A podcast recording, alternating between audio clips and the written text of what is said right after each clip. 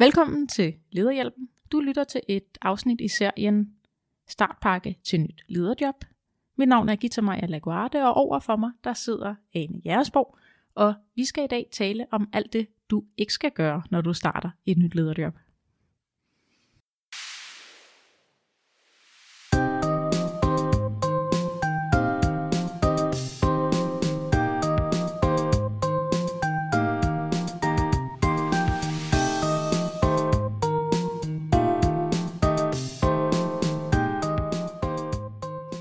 Det er så nemt at have fokus på alt det, du skal, når du starter i dit nye lederjob, men der er faktisk også en række ting, du skal lade være med.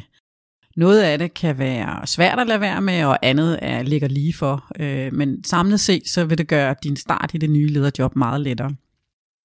Det kan være, at du har hørt om den her med 100-dages-planen, og der er endda skrevet bøger om det. At når man starter som leder i et nyt lederjob, så skal man have en plan for, hvordan de første 100 dage den skal være. Og øh, i praksis er det nærmest umuligt at gøre. Det kan godt være, at hvis du får sådan et meget high-level, tungt direktørjob, at der kan være en mening i at arbejde med en 100-dages plan på den måde. Men for de fleste lederjobs, så vil det være alt for overdrevet at gøre det. Og der er jo også lidt af autenticiteten, der går i fløjten, hvis du kører efter sådan en stålsat drejebog, der siger præcis, hvad du skal gøre. Øhm, så på den måde er det også vigtigt lige at trække vejret, og have et frirum til at mærke, hvad er det for et job, du er landet i, hvad er det for nogle mennesker, og hvad er det, der passer ind der, hvor du er nu og her. Præcis. Den, skal jo, altså den plan, du skal lave, den skal jo passe til det område, som du leder for.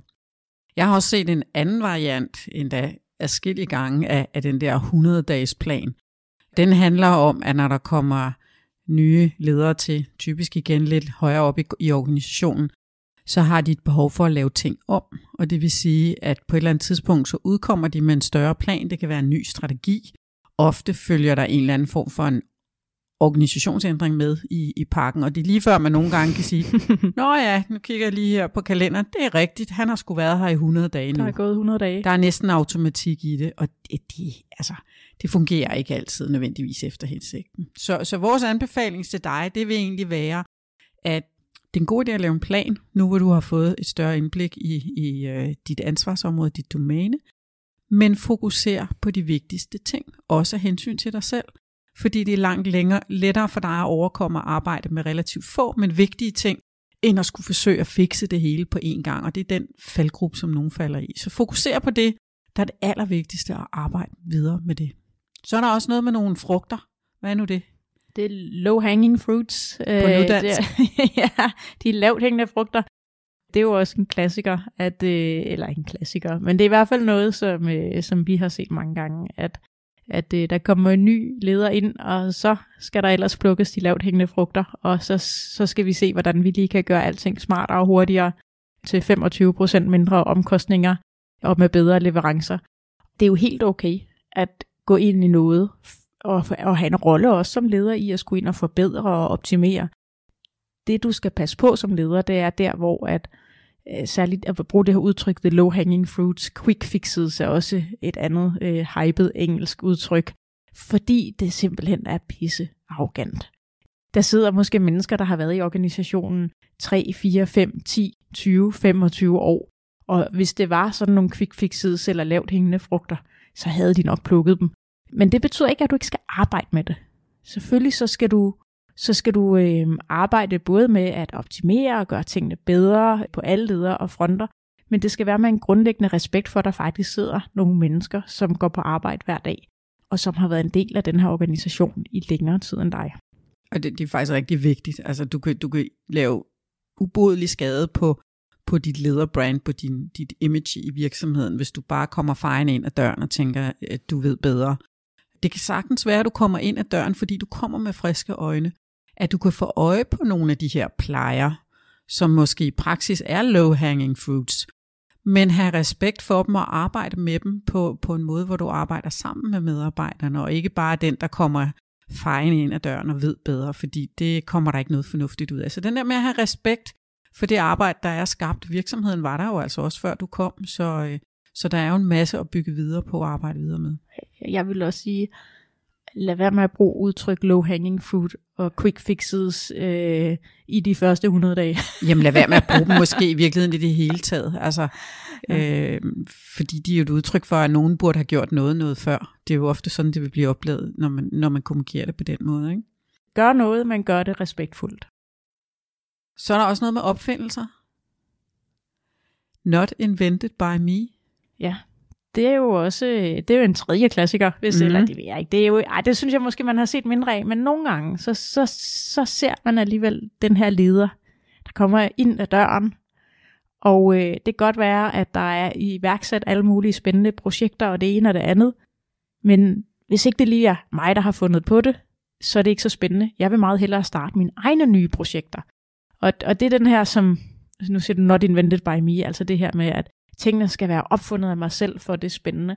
Og det er også lidt en faldgruppe, fordi at, som du siger også så fint, Ane, at virksomheden eksisterede også før du kom ind som ny leder, og der er måske nogle rigtig gode ting, der allerede er sat i gang, og, øh, og måske sat i gang af tidligere chefer. Hvis det er noget, der allerede er sat i gang, og allerede hvor forarbejdet er gjort, og så der er et godt projekt, øh, et initiativ, et salgsinitiativ, eller hvad det kunne være, jamen, så byg videre på det i stedet for, eller i hvert fald undersøg, hvad er, hvad er det, vi har, der allerede er i gang i organisationen, og, og kan vi bygge videre på det, kan vi gøre det endnu bedre, øh, kan vi få det til at leve endnu mere, end det gør i dag, i stedet for at, at have et behov for, at tingene skal være opfundet af dig, før at det har en værdi. Det er faktisk rigtig, rigtig vigtigt, og jeg tror, langt de fleste ledere, hvis man, hvis man spørger dem, om de har det, der med not invented by me, så tror jeg, det er de aller, aller færreste, der vil, der vil indrømme, at det er sådan. Jeg tror faktisk også, der er rigtig mange, som slet ikke er bevidste omkring, at det kan være en eller anden form for en motivationsfaktor for at lave nogle ting om. Så det der med lige at stoppe op og kigge og se, hvordan kan jeg bygge videre på det, der er. Jeg behøver ikke at skifte tingene ud, for at det bliver rigtigt. Derfor kan jeg sagtens sætte mit fingeraftryk på noget af det, der rækker fremad, uden at skulle, skulle skifte alt det gamle ud. Det kan også blive rigtig dyrt nogle gange bare at fjerne tingene hvis det i virkeligheden bare er mindre justeringer, man har et behov for at lave. Jeg har selv overtaget flere projekter, mm. og det der også kommer til at ske, når du overtager et projekt, øh, jeg kan huske, jeg overtog en gang et, og så fik jeg øh, en, en samtale, eller jeg havde en samtale med, med, med den tidligere leder, som sagde, at det var et virkelig vigtigt projekt, og det var vigtigt, at der var en stærk sponsor på det, og der var noget tydelighed omkring det der valgte jeg, okay, men det, det gav mening, det var et rigtig, rigtig godt projekt. Det handlede om uddannelse, øh, mm. blandt andet intern uddannelse af medarbejdere. Så det tog jeg på mig, og det der skete efter et stykke tid, det var, at jeg voksede ind i projektet, og blev ligesom en stor del af det. Så jeg tror heller ikke, man skal være så bange for det her not invented by me, fordi at det handler ikke så meget om, hvem der har opfundet det. Det handler mere om, hvilken værdi skaber vi, og hvordan får vi tingene til at leve, og hvordan skaber vi resultater i den organisation, som vi er en del af.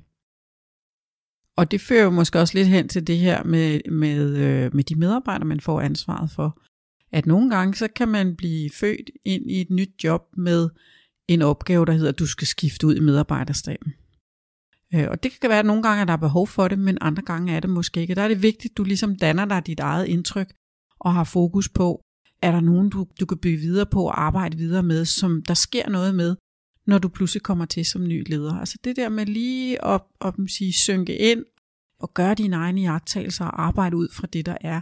Fordi kontinuiteten også kan give noget øh, energi, give noget fremdrift og så videre, tilsat det, som du nu kan tilføre det.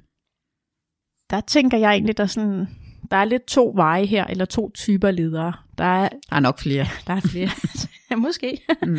øh, men, men lige i relation til det, du siger her, som er, at, at, at lad nu være med at fyre folk med det samme, give dem en chance og lære dem lidt at kende. Ja. At, at der er også den modsatte, hvor at, at der er også den type ledere, der, der er for lang tid om at trække i bremsen på ting, der ikke fungerer. Ikke? Og så det er jo også noget med, det er lige så problematisk. Ikke? Så, så, så der handler det altså om at se sig selv lidt i spejlet og finde ud af, mm, øh, hånden på hjertet, hvilken en, hvilken en er jeg? Er jeg midt imellem, eller er jeg lidt for hurtig på aftrækkeren til at sparke folk ud, hvis jeg synes, at de ikke laver det, de skal? Eller er jeg en, der giver folk rigtig mange chancer, fordi jeg ikke rigtig synes, det er så sjovt, det der med at skulle opsige øh, medarbejdere? Fordi begge dele kan faktisk være problematisk. Ikke? Så det, det er virkelig et, et dilemma, hvor man skal finde det rigtige ståsted i den konkrete situation. Ja, og have fokus på at sige, hvad er det, hvad er det for nogle medarbejdere, jeg har brug for i forhold til at løse de opgaver? Som mit team har. Har jeg nogen, jeg kan bygge videre på? Øhm, har jeg nogle nye kompetencer, der skal tilføres? Og er der nogen, som udviser en adfærd, som ikke er i overensstemmelse med de værdier, som jeg som leder lægger vægt på, og de arbejdsopgaver øh, og, og rammer, der er for det, så er det også rigtig vigtigt at gøre noget ved det. Så, så hverken for lidt eller for meget i virkeligheden, men en god tilgang til det.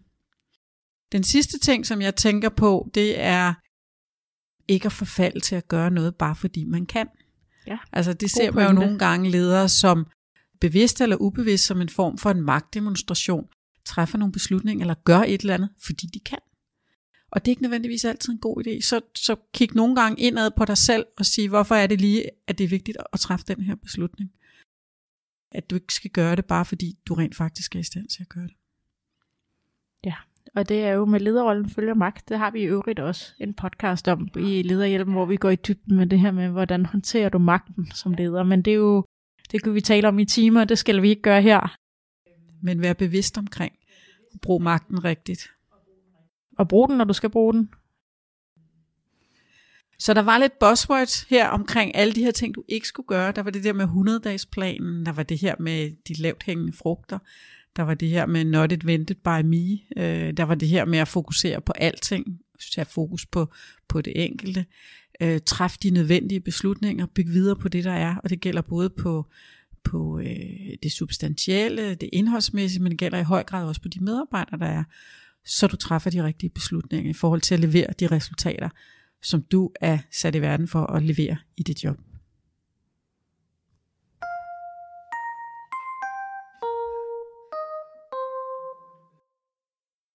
Du har lyttet til en podcast i serien Startpakke til nyt lederjob. Kunne du godt tænke dig at få alle podcastene i Startpakken på én gang direkte i din indbakke, og også få mulighed for at få fingrene i den tilhørende øvelsesbog, der giver dig opskriften på, hvordan du kommer godt fra start. Så kan du klikke på linket i teksten her under podcasten, eller du kan gå ind på hjemmesiden www.theleadingculture.dk og kigge under gratis til dig.